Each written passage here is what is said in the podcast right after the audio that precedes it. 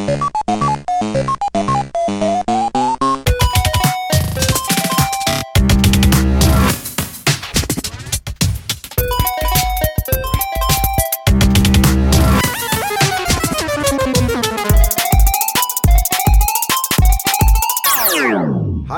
velkommen til denne 13. episoden av eh, Spillpedagogene, en podkast om spill og digital kultur. I dag er vi med fire spillpedagoger, bl.a. meg, Alexander Husøy.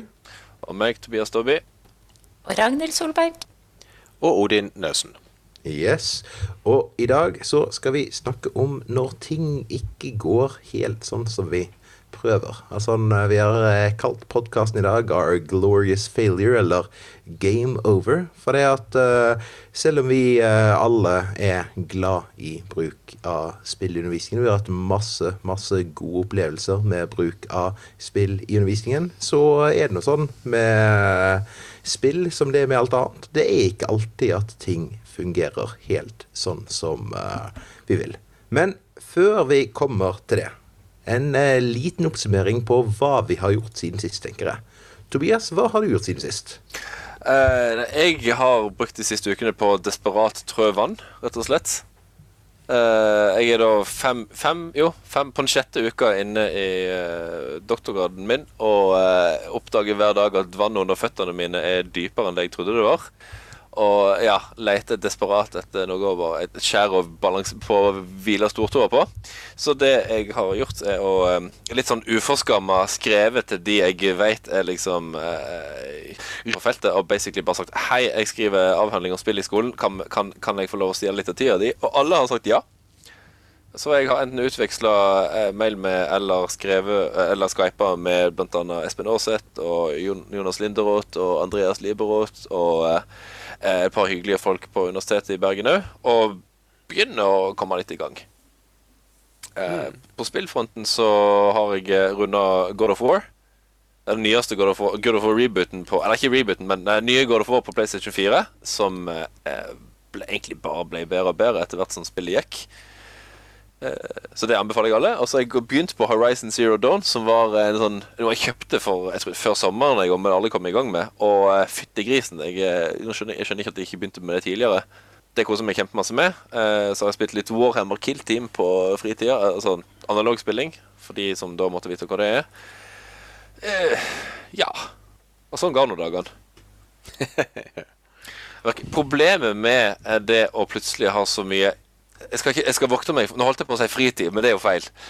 men eh, så mye eh, timeplanløs tid, så å si, er at eh, når man er en, en, en eh, litt sånn uhelbredelig prokrastinatør og litt ustrukturert som meg, så ender det opp med at de liksom faste innslagene på timeplanen liksom renner over sine bredder og over i den eh, hellige lesetida mi. I tillegg til at det har vært en andre sånn, litt sånn heldagsarrangement både her og der, som jeg for all del eh, deltar på med stor glede, men som har gjort litt vanskeligere å liksom, sette seg ned og lese. Men med, med, så jeg lover bot og bedring liksom, for hver, hver, uke som begynner, og så kommer fredagen og tenkte hva i alle dager har jeg brukt tida mi på? så det er litt sånn. Men nå, nå har jeg hørt fra andre stipendiater at eh, det er helt normalt å gå fra et halvt til et helt år og ikke ane hva man driver med. Ja, men målet er at uh, du skal klare å ta deg sammen før det har gått et halvt til et helt år. Tobias. Så om du ikke klarer det på egen hånd, så skal nå vi ta oss og bidra til å uh, gi deg en liten kilevink med jevn mellomrom. Plutselig så handler denne podkasten om å få deg gjennom stipendiatlivet. Ja, in intervention. Ja. Om ikke annet, annet så får du uh, dytta meg nedover tolvgammeldingen med bjella bak og rope 'shame, shame'. Det er type plan D eller Vi har, uh, har et par alternativ vi skal gjennom før, før den tid. Stipendiatshaming. Ja. Enn med deg, Ragnhild? Hva skjer på din front? Eh, ikke stipendiatshaming eh, eller noe lignende. Eh, ganske rolig her i Trondheim, egentlig. Men eh, jeg har spilt Orwell, som vi bare teaser nå, og skal ikke si så mye mer om. Eh, og så har jeg kosa meg veldig med Two Point Hospital, som jeg kaller for Theme Hospital 2, for det er jo akkurat det samme, bare ikke. Eh, og eh, sånne herlige sarkastiske kommentarer over eh, callinganlegget på sykehuset og eh, litt eh, frustrasjon over at jeg aldri vinner den eh, årsprisen om at ingen dør. Eh, men eh, altså, jeg kunne sikkert tatt over St. Olavs hospital her i Trondheim. Det hadde nok gått helt fint basert på eh, mine management skills. Sikkert masse overførbare skills der. Jeg tror det, altså. Kunne du bare gi en uh, kjapp uh, tresetningers uh, sammendrag til hva, hva er two point, uh, point for noe? Det, det er noe med sykehus, det fikk jeg. Det er noe med sykehus, ja. Eh, Two Point Hospital er en simulering eh, av et sykehus. Altså det er litt sånn som Theme Park og de her spillene her, der du bygger opp en verden, og så skal du manage den, i mangel av gode norske ord akkurat her. Eh, så du bygger sykehus, og så dukker det opp rare sykdommer, og så skal du prøve å kurere dem som best du kan, eller i mitt tilfelle liksom sende dem hjem når du innser at du ikke kan kurere dem, fordi du har ikke lyst på dårlig statistikk på sykehuset ditt. Ja, et veldig viktig spørsmål. Er bloated head syndrome fortsatt er greie? Du, de har lightheadedness og kommer inn som sånne små lyspærer. Og så skrur man av lyspæra og setter på et hode istedenfor. Så det er nesten det samme, men ikke helt. Ja, det, det høres ut som det er i rett eh, gate, i alle fall. Ja. Ja. Og Veldig artig, i hvert fall. uh, altså, jeg tenker at dette er noe man kan lage noe undervisning om. Eh, nå har ikke jeg spilt da. uh, men altså, jeg har jo et veldig kjærlig forhold til Theme Hospital uh, fra gamle dager. Er det noe Ja. Satire eller legemiddelindustri eller et eller annet sånn man kan gjøre inn i et undervisningsopplegg med dette her? Det er jo for så vidt det. Men jeg tror den største faren med det er at læreren hadde sittet og kost seg så mye at det hadde ikke skjedd noe særlig læring i det klasserommet. Men ja, det er, det er satire over hele systemet. Men eh, jeg tror det er begrensa kanskje hvor mye du får ut av det. Det er mer litt sånn som i eh, andre spill der de har veldig gode replikker. Så kan man heller se på replikkene og hva de bidrar med, tror jeg. Ja. Mm. Cool. Du, Ja. Nei, jeg eh, Av spill jeg har spilt, så er det jo eh, egentlig to ting med det jeg har spilt mest. Det er jo Seven Billion Humans, og kost meg stort med det. Og sånn kort fortalt så er jo det den neste utgaven av uh, The Human Resource Machine, som var jo det spillet der du er en person som får oppdrag uh, til å få noe fra en ende av rommet over til den andre siden av rommet i en bestemt rekkefølge, der du får tallkoder eller bokstaver. Og så er det jo da egentlig et spill der du må programmere denne, hvordan denne figuren skal oppføre seg for å få disse bokstavene og tallene i rett rekkefølge på andre sida. Og, og der da Human Resource Machine var én CPU, egentlig én person, så er jo da 7 billion people, eller humans, da en hel haug med folk som du da programmerer til å gjøre masse forskjellige ting. Men det er jo mer da at eh, alle disse folka som er med, de får utdelt ett kodeark som er felles for alle. Og så skal du da løse alle disse oppgavene. Jeg, jeg koser meg jo stort med sånt. Uh, og, selvfølgelig i forhold til undervisning så er det jo direkte inn i, inn i programmeringsbiten hvis en har det som valgfag eller koding eller algoritmisk tenkning. Så er det jo hyperaktuelt. Ja, Dessuten så er det hysterisk morsomt til tider. Ja, for jeg har sett Jeg, jeg, jeg bare spilt Human Resource Machine, ikke Seven Building Humans, men jeg har sett screenshots fra det, og det virker jo som om eh, det er enda nærmere altså, et, et, altså koding, altså programmering. Altså Det er ikke bare litt sånn dra og slipp-kommando, men det er veldig mye mer, virker det som. Ja, det er fremdeles bare dra og slipp-kommando du holder okay. på med, men, men det blir jo selvfølgelig betraktelig mer komplekst med en gang eh, du har på en måte 50 figurer som springer rundt og skal gjøre det samme som står på arket, og så må du da klare å programmere en rutine som gjør at de må sense en del mer rundt seg hvordan rommet ser ut, og oppføre seg deretter. Så, så det er hakket mer komplekst, men, men de har klart å lage noe som er gøy å spille, og, og som du har lyst til å fullføre.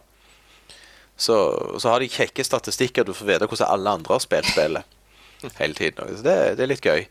Men, men det henger litt sammen med det, Akkurat det spillet har jeg venta på, så det fikk jeg med en gang det kom og, i Steam. Men så har jeg jo gjort én skummel ting i forhold til spill, som gjør at jeg har spilt veldig mange spill i det siste, men jeg har bare spilt i litt. For jeg har abonnert på The Humble Bundle Monthly. uh, på jobb, faktisk. Jeg har fått lov til Det er et slags abonnement. Ja. Fri, frivillig flødde backloggen din med alskens uh... Fullstendig vanvittig. Så hver måned så er det jo fem-seks spill og masse andre ting som på en måte jeg må da se på, i det minste. Så, så, så det tar litt tid. Eh, Ja, altså, oppi dette. så, så, er det sånn når du har fått eh, Når du da, da har fått deg en bundle, så føler du at du har en forpliktelse til å i alle fall ha testa ut alt? Eller? Ja. ja. Jeg, eh, jeg har en sånn lagt meg en rutine på at jeg faktisk laster de ned og starter de. Ja. Og så, og så har jeg en relativt mer sånn kjapp Nei, likte jeg det, likte jeg det ikke? Nei, OK. Da, hvis det ikke tiltaler meg sånn med en gang, så bare legger jeg det i backloggen. ja. Men, men jeg skal installere det og se på det sånn så før, jeg gjør, før jeg bestemmer hva jeg syns. Men, men så utover det så har jeg jo rukket en del etter skolestart. For jeg har jo allerede kjørt et par runder med VR for elevene på 9. trinn i forhold til berg-og-dal-bane og snakket litt om det. Uh, og vi har vært vel òg med på Jeg og en del noen andre vært med på et kurs hos Udir Beta Lab i forhold til VR og AR til bruk i skolen, og spill innenfor det. Så, og så har jeg jo tenkt mye på dette med konsument-produsent i forhold til dataspill, og, og vært veldig opptatt av og snakket mye om til folk om det med at et spill skaper opplevelser som, som er i elever, som er en, på en måte en del av at eleven produserer noe som vi må være flinke som lærere til å ta vare på i undervisninga. Og på toppen av alt det da, så har jeg jo fått lov til å si egentlig det til alle PPU-studentene på Universitetet i Stavanger i år. For der har jeg hatt om profesjonsfaglig digital kompetanse med en god dose spillbasert læring. Som en helt, helt naturlig del av det. ja. Så, så det, det har vært hektisk. Så nå håper jeg jo jeg skal få spille enda mer spill. Uh, Ja. Litt fram. Og da skal jeg bare skryte av ett spill som jeg så vidt har begynt på, men jeg elsker det fordi det er fin musikk. Og det er et gammelt spill som heter Contrast. Uh, som egentlig er et litt sånn ordinært Eller first person-spill, men der du skifter mellom first person og en slags 2D-plattformspill, men der du blir skyggene. Du kan håper jeg, Skyggen blir 2D-delen, og der du da kan være en 3D-figur som springer og blir en skygge, og så må du løse oppgaver i skyggene av lyset i spillet. Og så hopper du ut igjen. Og så er det utrolig stilig musikk i det spillet samtidig. Jeg vet ikke helt hva jeg skal bruke det til undervisning, men jeg har lyst til å lage noe òg i forhold til de nye læreplanene som kommer til å komme i musikk, om hvordan dataspill bruker musikk. Og, og hvordan vi som spiller dataspill, eller elever som spiller dataspill, òg må være klar over den lytteropplevelsen som denne musikken skaper. Det høres kjempespennende ut. Ja, jeg øh, har av, fra gammelt av en veldig interesse for filmmusikk. Ja. Og, og meg og en tidligere, eller en, en venn som vi studerte sammen med på Musikkonservatoriet, vi skrev da en, en større oppgave om filmmusikkens bruk. Ja. Og, og lagde et undervisningsopplegg av det. Og veldig mye der er direkte overførbart på hvordan musikk blir brukt i spill.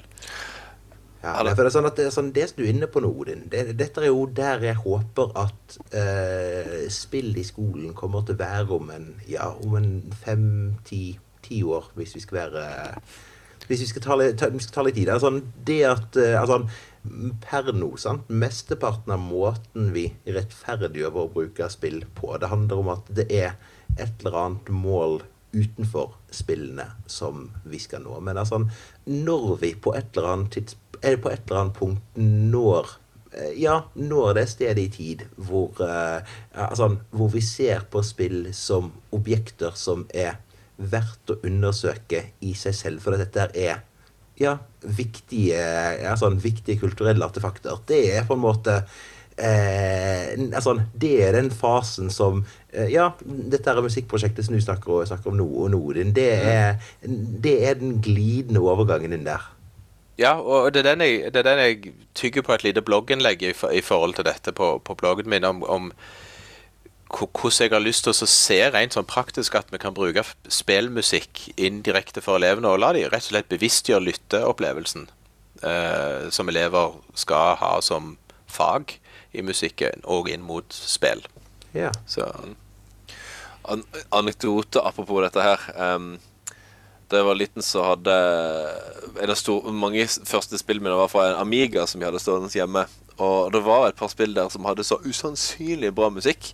Og for å liksom gjøre denne tilgjengelig utenfor spillet, så hadde jeg en sånn gammel sånn eh, kassett, sånn båndopptaker, som jeg satt helt inntil høyttaleren på TV-en. Og så tok opp hele, hele soundtracket til spillet. Så det var liksom fine steder der det ikke var noen fiender, og så bare la bakgrunnsmusikken gå lenge nok. Så hadde jeg etter hvert sånn kassetter med eh, Ja. Ja, kult. Ja. Så det, for det var, ikke, var ikke snakk om å leste den altså, i dag. Eller, soundtrack er kanskje heller ikke så lett tilgjengelig i dag. Ikke det alle spill, i alle fall. Jo. Er det det? Ja, på litt, sånne hem, på litt sånne hemmelige nettsteder som, Ah. er, som er lette å google seg til, så er det Ikke som sant. samler all musikk i spill. Er det det, ja? Ja. Jeg, jeg har liksom aldri leita, men ja, så, når, du- når jeg tenker meg om, selvfølgelig er det noen som har gjort det. Ja, Ja. men Steam er etter hvert også ganske flinke til å altså, på, altså, I alle fall på relativt store utgivelser, og for så vidt også en del eh, mindre utgivelser, til at, eh, til at de legger, ve- legger med spillets soundtrack eh, som eh, enten en eh, gratisnedlasting eller som en eh, mm, ja, nedlasting til ikke en altfor stor sum, da. Og Spotify også har masse. Ja, de har det. ja. Du har vært på noen av disse her eh, ymse symfoniorkesterframføringer rundt, rundt om i landet? Ja, jeg har vært Det har, det har vært én i Stavanger, den uh, tok jeg med hele familien på. og Det, det var en sukkess, for å si det sånn. Den, den, den var veldig bra. Sjøl mener jo jeg da at de kunne plukket ut litt mer interessante ting fra spillhistorien, men det er faktisk litt av trikset, fordi at den som lager det programmet, plukker jo selvfølgelig fra sin egen historie. Og, og du liker den musikken til det spillet du likte, ofte. Ikke sant? Eh, for det er mye bra musikk, men, men du, du får liksom hjertet til den der du òg likte spillet.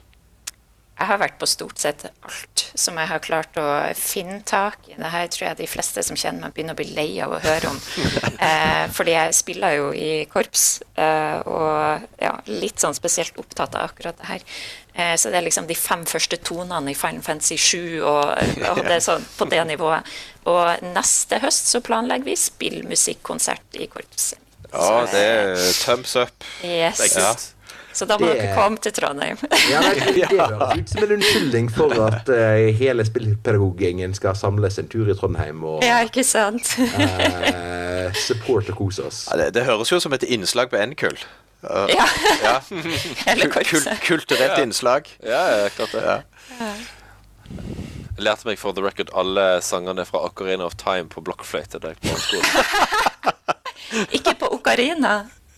Nei, jeg, jeg, jeg leita faktisk etter om det kan kjøpe seg noe sånt, men jeg fant aldri en som matcha eh, den for spillet. Jeg fortalte dette her eh, i, en sosial setting eh, på folkehøyskolen, og så bryter en venninne av meg. Å, sånn ut! Å, sånn nerd! Det blir disputasgave, da. En ocarina. Jepp. Så det ble plutselig tema spillmusikk.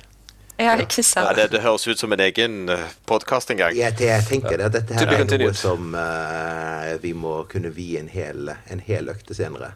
Eh, for min del, uh, nå eh, siden vi snakket sist, at jeg og, jeg og Tobias vi har nå nettopp vært på en eh, eh, liten kjapptur til Stavanger. Der har vi vært og så eh, spilt inn språkløype for eh, Var det riktig begrep? Eller leseløype? Språkløype? Språkløyper. er riktig. Språkløype, Ja. ja. Eh, vi har vært og spilt inn eh, språkløype om ja, det var annet enn bruk av, spill i skolen.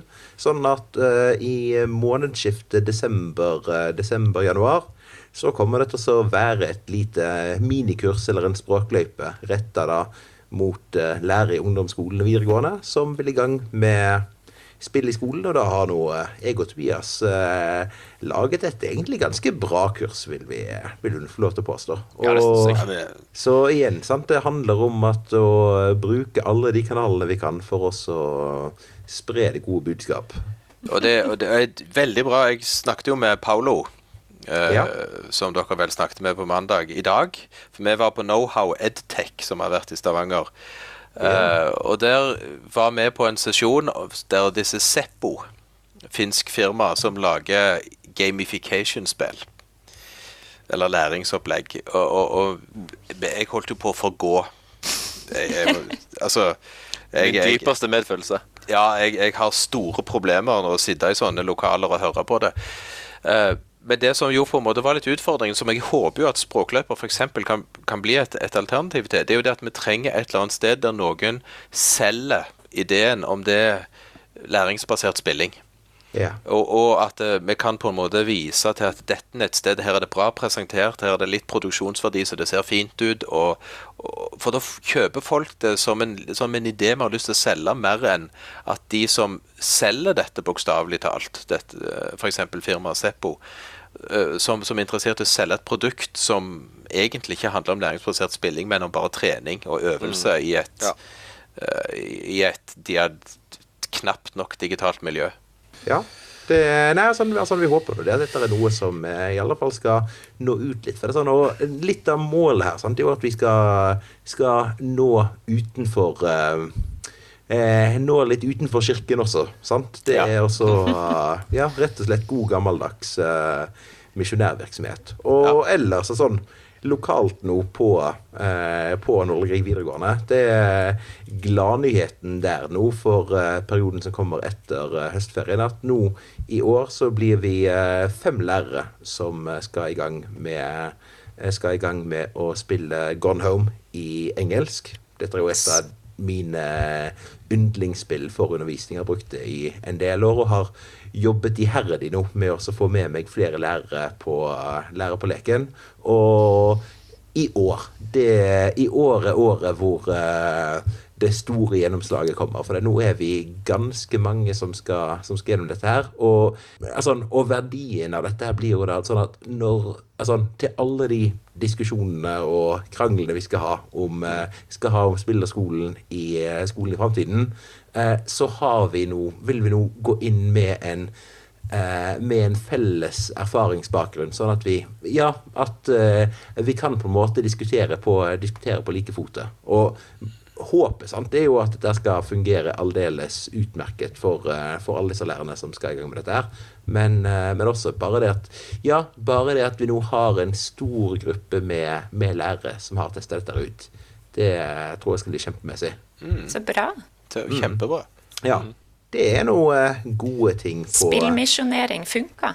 Spillmisjonær altså, nå, nå er jo dette en del av jobben min. Sant? Og sånn 20, 20 av stillingen min nå i år det Jeg er spillmisjonær. Det er Ja, vi kaller det eh, Det kalles jo spillpedagog, men altså, kanskje jeg skulle foreslå det at spillmisjonær det er den tittelen jeg vil ha fra neste år. For det Jeg syns det høres eh, ja, deilig litt sånn Ja, eh, passe cultish ut. Som eh, akkurat den uh, filen jeg, eh, jeg er ute etter.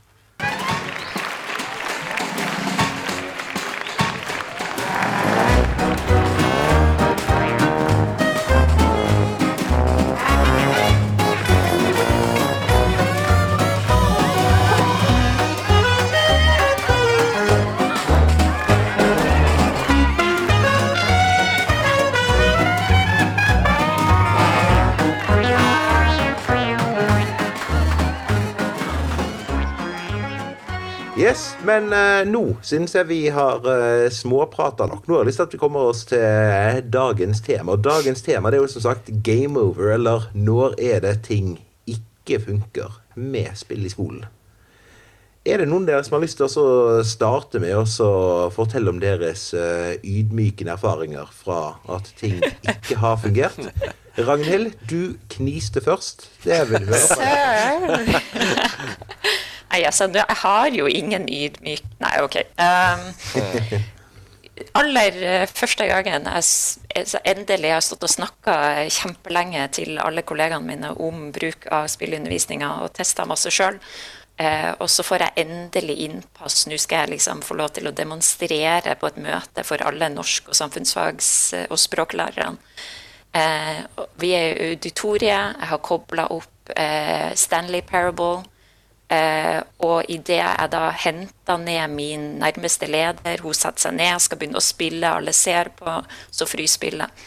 Eh, og lettere panikk eh, i øynene, men litt sånn teatralsk eh, pauseunderholdning i form av Yours Truly. Eh, men det var jo da rett og slett de her PC-ene som fylkeskommunen har gitt oss, som har for lavt grafikkort til å klare å kjøre det opp mot prosjektor. Eh, Og det har skjedd igjen og igjen, fordi jeg glemmer hver gang at den PC-en er ikke veldig bra. Eh, Men eh, hver gang så finner man på et eller annet. Auditorieskandalen redda seg med at jeg hadde jeg holdt på å si preka det glade budskap til en kollega som hadde installert Stanley Parable på sin PC. Og ellers er det jo veldig koselig å sette seg rundt en PC-skjerm med ei gruppe, f.eks. Så det ordner seg alltids. Men eh, det kan være greit å tenke gjennom eh, hvilket eh, utstyr man har med seg i sånne situasjoner. Det var ikke så ydmykende, da. Nei, det nei, altså, Nå lurte jeg plutselig på om vi skulle gjøre dette til en konkurranse. For det, eh, eh, Hvem har lyst til å toppe min? Ja, eh, Odin. Det er topp. Ragnhild. Ja, nei, tja Jeg må si jeg er enig i det der tekniske. Det har jeg òg rota meg borti. eh, Men heldigvis ikke sånn plenumsting. Men jeg, i klasserommet har det unektelig skjedd. At eh, jeg har da dratt i gang eh, med at hele klassen skal da spille et eller annet. Eh, og, og så det vi skal Alt har virket fint på maskinen jeg har satt opp, jeg har gjort klar, vi har rullet ut til elevene, og når vi da skal sette i gang, så er det alltid plutselig tre-fire maskiner det ikke virker på. Og så har jeg òg opplevd en gang at det var ingen maskiner det virkte på. Og så, og så blir det på en måte at en da stressa lærer, som da er meg, springer rundt og ordner det fra maskin til maskin til maskin til maskin til maskin. Og når på en måte da elevene endelig er i gang, så, så, så er du på en måte litt sånn fasa ut i hodet og svett og, og skal plutselig bli veldig pedagogisk. Og så har jeg egentlig pleid å si at ja, det, det går jo bra, jeg klarer meg fordi jeg teknisk sett har orden og sånn på det. Uh, men jeg ser jo at hvis, hvis det skulle vært hverdagen til en vanlig lærer, så hadde det jo bare vært krise. Fullstendig det ramla fra hverandre. Ja. Men, men det, det undervisningsopplegget der jeg føler at jeg hadde jeg, jeg skal være litt sånn eh, ikke ydmyk og si det at jeg har prøvd såpass mange ville undervisningsopplegg som jeg har trodd ikke skulle virke, og så har de virket. Eh, Og det har jeg alltid vært glad for. Men, da er det mer det pedagogiske at jeg klarer, forstår elevene det jeg nå har tenkt at vi skal gjøre, og så gjør de det til slutt. Men det er ett undervisningsopplegg som jeg hadde, der, der jeg hadde ingen kontroll. Absolutt ingen kontroll. Og det var litt sånn i hine hårde dager med De skulle spille Hungercraft, som var en, en utvidelse til Minecraft. Ed, educa, eller Minecraft Edu, Java-utgaven. Og der elevene skulle da spille uh, Capital, altså det er jo Hunger, Hunger Games-bøkene. En gjeng elever skulle være de som var i hovedstaden og, en, og rike og hadde tilgang til alt. Og en annen gjeng elever skulle være de fattige, som måtte grave i gruver og sånne ting. Og så er det et rom i denne levelen der de kan bytte utstyr. Og, og det må de gjøre fordi at de rike har ikke mat. Eller de har mat, men de kan ikke gjøre den spiselige. Mens de fattige de kan lage kull som gjør at de rike kan lage spiselig mat. Men de fattige har ikke mat. Og så er det jo da at du, du lar spillet gå litt sin gang, og de skal venne seg til rollene sine, og så skrur du på survival mode i Minecraft, som gjør at de må begynne å spise. Uh, og, og da setter du i gang et sosialt eksperiment i klassen, for å si det mildt. I forhold til hva skjer da med disse lagene som da kanskje skal samarbeide eller ikke. Og selv om spillet legger opp til at det skal foregå en slags samarbeid, så klarer elevene hver gang jeg har gjort det, jeg har gjort det et par ganger, å finne på de mest sinnssvake ting. Eh, og, og, der jeg, og da har endt opp med at jeg omtrent må drive og være sosiallærer etterpå. For, fordi at eh, de blir uvenner. Eh, og, og det er omtrent noen da som driver sånn aktivt, og de banker de opp i spillet. For, fordi at de oppfører seg som drittsekker noe plutselig. Og ikke vil noen ting, og ingen følger reglene som de andre har blitt enige om de skal. og sånne ting, Så du får et sånn sosialt eksperiment der jeg mister fullstendig kontrollen i klassen. Så det har vært sånn eh, Første gang var det veldig ubehagelig. For jeg ante ikke hva som skjedde i spillet, og vi måtte snakke en god del etterpå om hva som skjedde. Læringseffekten var enorm, men han var ikke intendert. Ja, og, sånn. og samtidig her så bekrefter du da alle disse her mytene om eh, spill og aggresjon. Eh. At, ja, til en viss grad, men spillet i seg selv var jo ikke voldelig. Det var bare mer oppsettet av spillet. Det at vi la de i to lag, den ene med alle privilegier og den andre med ingen. og, og det funka liksom litt sånn som det skulle, samtidig som jeg hadde ingen kontroll. Og det, det var, var, var litt ubehagelig òg. Ja. ja. Jeg, jeg vet ikke om det topper det, men eh, Nei, Jeg syns det hørtes skikkelig kult ut. da. ja, det, ja, det er jo det òg, men det var veldig ubehagelig akkurat der og da, fordi jeg ante ikke hva som skjedde. Uh, altså, nå Nå vet jeg ikke om jeg skal være den strenge læreren her, men det er sånn at uh, jeg er ikke veldig fornøyd med arbeidsinnsatsen deres nå. Uh, at sånn jeg, jeg, jeg var på jakt jeg, altså, Her tenkte vi var på jakt etter the, ja, the epic fails. uh, når ting har gått uh, helt aldeles gale. Og det er ingen av disse her uh, faller inn i denne her kategorien. Men, men jeg vet ikke om det er kanskje et godt tegn, for så vidt. Men Tobias, top them. Epic fails. Jau. Um, altså, den, den, den beslekter jo litt på, på, på Ragnhild sin i det med at man liksom skal liksom eh, Man er i en situasjon der man skal vise fram noe. For de begynte jo Altså begynte egentlig et året før der eh, jeg hadde kjørt eh, et eh, opplegg på påbygg historie med Civilization 4, der de begynte liksom på nytt spill, og så hadde jeg sånn mod der, der alle nasjonene begynte på liksom ja, sitt geografisk korrekte sted, så å si. Så kunne vi bare bruke dette for å snakke om jordbruksrevolusjon og sånne ting. Um, og så over sommeren da, så, så fikk vi en del nye kollegaer fra Fana gymnas, som ble lagt ned. Og en av de nye kollegaene er da min, min nye avdelingsleder, som har hørt eh, masse om de her spillgreiene på, på Noen Grieg. Og, og siden hun har blitt avdelingslederen min, så kunne hun gjerne tenke seg å se. Jo, sa jeg. Jeg skal, jeg skal spille Civilization i Eldre historie nå på torsdag. Kan ikke du komme? Jo, sa jeg. Det vil hun gjerne. Så står hun der i Så, så, så, så kommer hun litt sånn ute i timen, da. Og det synet som møter hun er meg som springer desperat fra maskin til maskin som en pingpongball, og får liksom eh, et nødskrik fra elevene i surround. 'Tobias, hvordan gjør det? Tobias, det her funker ikke. Hvorfor, Tobias, hvorfor er innbyggerne mine sure?' Liksom ene tekniske eller faglige eller spill t- t- mekaniske problemer etter det andre. Og, og hun er da vitne til et takras uten like av en eh, skoletime. Som på ingen måte funker, og som absolutt ja, kan, kan umulig gjette hun noe godt inntrykk av hele prosjektet. Nå er Inger Lise, avdelingslederen min, heldigvis en, ikke bare en veldig ålreit, men òg en veldig faglig dyktig person. eh, som innser at jo, jo, men av og til så kan det gå gale. Dette er sikkert ikke Jeg forsikrer på at dette er ikke sånn det pleier å være. Eh, men ja, jeg var eh, lettere Både sikkert rød i fjeset og uh, både av uh, Ja, løpe hele timen og med at jeg var ganske flau over at jeg liksom skal vise fram verket til meg og Alexander, og så er det dette hun møter. Så ja, ikke superhappy med den hendelsen, men uh, hun har nå i senere tid sagt ja da jeg spurte Hei, eh, jeg har lyst på eh, sånn offentlig ph.d.-greier, kan vi søke? Så hun har nå fortsatt tiltro til meg, på tross av uh, dette her. Ja, ganske mye tiltro også, da skal man jo regne med. Det var jo ikke rent lite arbeid dere la inn i, uh, inn i den ph.d.-søknaden din. Nei, det var ganske mye. Eh, så så det, det, fikk jo ingen reelle konsekvenser, bortsett fra uh, at jeg er merka for livet, da. Men uh, Uh, Nei da. jeg vet ikke om det var en epic fail, akkurat. Men der, der og da så var jeg uh, i, i slett lune, kan vi vel si. Ok.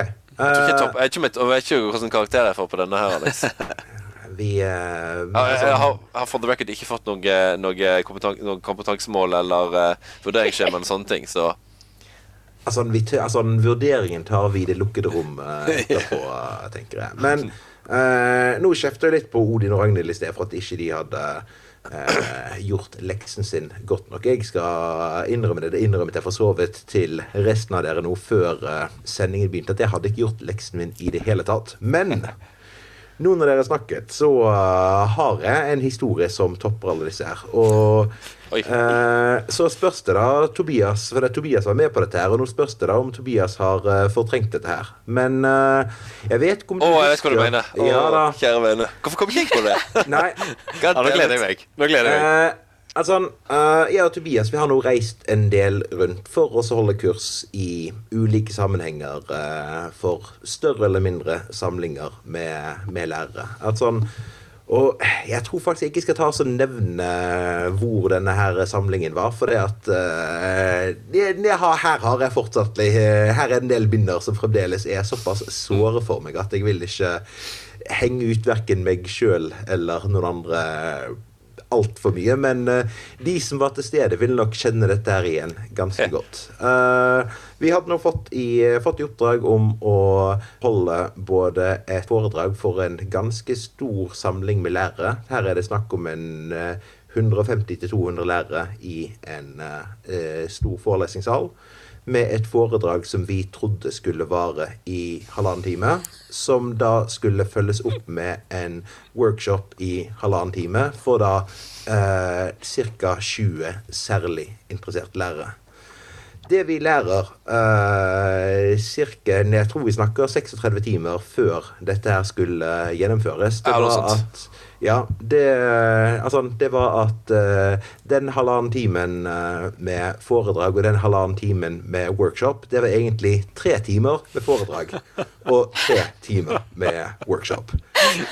Uh, og foredraget, det um, Altså Eh, altså, Tobias og jeg vi er nå veldig glad i å snakke. Vi klarer nå alltid også å snakke lenge nok at eh, eh, tre timer med foredrag for en stor samling med lærere om et tema som eh, ja, fortsatt må være å regne som nisje, dessverre. Det eh, kan jo være en utfordring i seg sjøl. Men uh, den solide failure-biten av dette her, det skjedde i workshopen etterpå. For det at her hadde vi styrt i ja, vi hadde brukt ganske mange arbeidstimer med, oss, med, å, med å hjelpe disse her teknikerne på dette uh, ja, ikke nevnte stedet. Med å installere, med å sørge for at uh, spill og maskinvare var på plass til, uh, til disse deltakerne skulle komme. Ja, det var mye fram og tilbake, altså. Det er veld, veldig mye fram og tilbake, veldig mye arbeid, men vi trodde nå det at alt, eh, det at alt var på plass. For dette, altså, altså,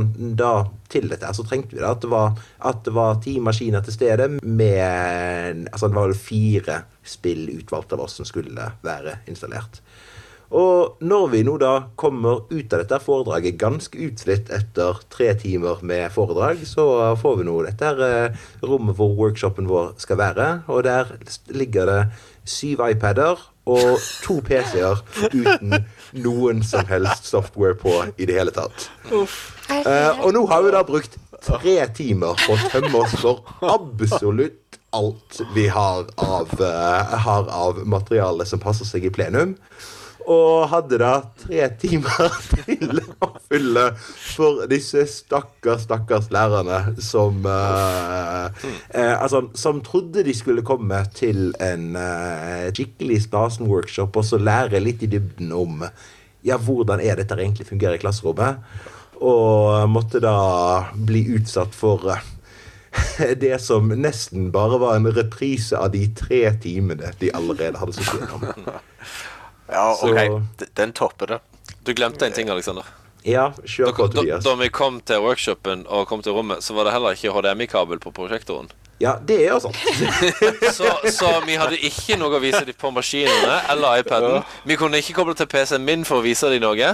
Så vi, må- vi jeg tror vi måtte stå og prate i, i 20 minutter før, mens han der stakkars IT-duden beina rundt etter en eller annen adapter. Men basert på dagens episode, så er jo det ganske representativt for eh, workshop og bruk av spill i undervisninga. ja. Ja. Jo, Ikke alltid det, er alltid det. tekniske funker. Nei. Nei, jeg har, jeg har blitt såpass paranoid etter hvert at det, det er jo derfor jeg har lagd liksom dette rom for spill. At hvis jeg skal ha med meg maskiner eller skal drive en kurs eller workshop, så har jeg med mine maskiner. For da, da vet jeg hvordan de er, og hvordan de virker. Vi, vi er blitt bortkjøpt Alex, og har alltid samarbeida med Jørn og og Vibeke og de på IKT-senteret. Ja, og pluss det at, sånn at vi har jo også veldig fine fasiliteter hjemme hos eh, altså, Ja. altså på vår hjemmeskole, sant? Som, eh, som vi da ikke alltid kan regne med at er ute. Men det var noen learning moment for oss. Altså, oh, ja. Selv om du har eh, hadde stort sett fortrengt dette fram til jeg var utid nok til å ta det opp igjen nå, eh, nå Tobias, så Altså, nå blir det fosterstilling og krampegråt i dusjen etterpå. Det vil jo si at det er Tobias som vinner, fordi han har to historier. Ja, det, Score! Ja. Men, men, det, men, men sånn, litt sånn moralen i dette er jo som vi sier, det er jo det tekniske som på en måte dreper oss uh, når ting går galt. Og, og jeg vet jo at Jørund og, og Vibeke der inne på UDIR Betalab det, det er jo, Hvis du spør de hva som går galt når de drar rundt sine ting, så er det jo det tekniske. De, der de, de står og på en måte har nettopp fått opp alt på N-kull i dette rom for lek, og så bare slutter Steam og vil koble seg til nettverk og har ikke lyst til å gjøre noen ting lenger, og litt sånne ting, og så står de der og svetter. Ja, for det er jo akkurat det. Du, du, du, altså for å lage et undervisningsopplegg med spill, så trenger du bare én maskin og, ditt eget hode. Ja. Altså, som et minimum. Ja. Men for å gjennomføre det, så altså det jeg, og, så trenger du jo av og til betydelig mer. Det er derfor jeg av og til sverget til de her whole classroom-approachen, der du bare Jeg har med min maskin, som jeg vet funker, og så kobler jeg den på, på eh, prosjektoren. Mm. Og av og til så, så holder jeg meg til det, altså. Ja. Men det som jeg nå allikevel føler at vi må si nå, da, det er at altså, eh, stort sett når vi gjør dette her i klasserommet, så går ting altså, altså, så, går, så går ting veldig greit. Og for så stort sett når vi holder kurs også, så går, så går disse tingene, går disse tingene liksom, veldig greit. nå har vi skremt bort hele lytterskaren. Ja, ja nei, for det, det, er sånn, det, det, det er det jeg prøver også å sørge for her. Sånn at uh, Målet er jo at de skal kunne lære av oss. Ja. Ja, altså Moralen er jo da vær teknisk forberedt, i det minste. Og eh, sånn du klarer det. Men, men igjen, jeg er enig med det du òg sier, Aleksander. Altså, stort sett så går det veldig, veldig godt. Ja. Uh, og, og det er jo de der enkelte gangene, men selvfølgelig den gangen du oppdager det og lærer det, så, så svetter du, og så gjør du det ikke om igjen. Eventuelt så kan du eh, også lære en annen lekse av det vi har sagt nå, og det er at hvis du er en skikkelig god pedagog, så slipper du unna med alt. Ja, det gjør Ja. Det òg. Og greit.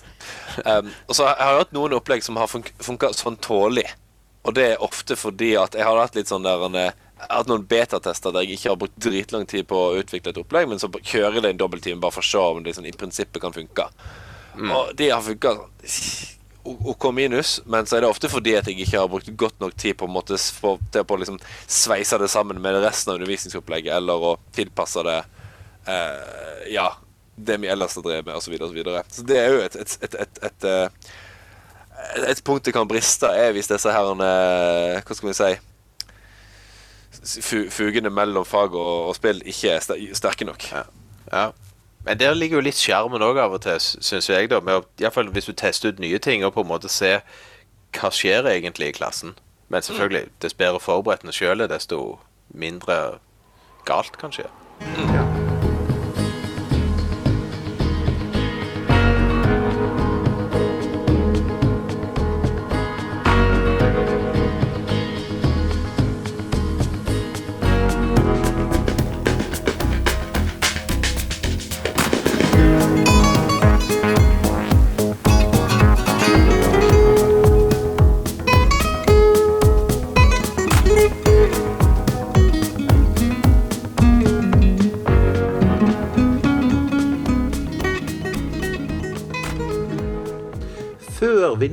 runder av episoden, så har vi et, eh, har vi et innslag til eh, som eh, vi bør ha inn. Og det er jo da månedens spill.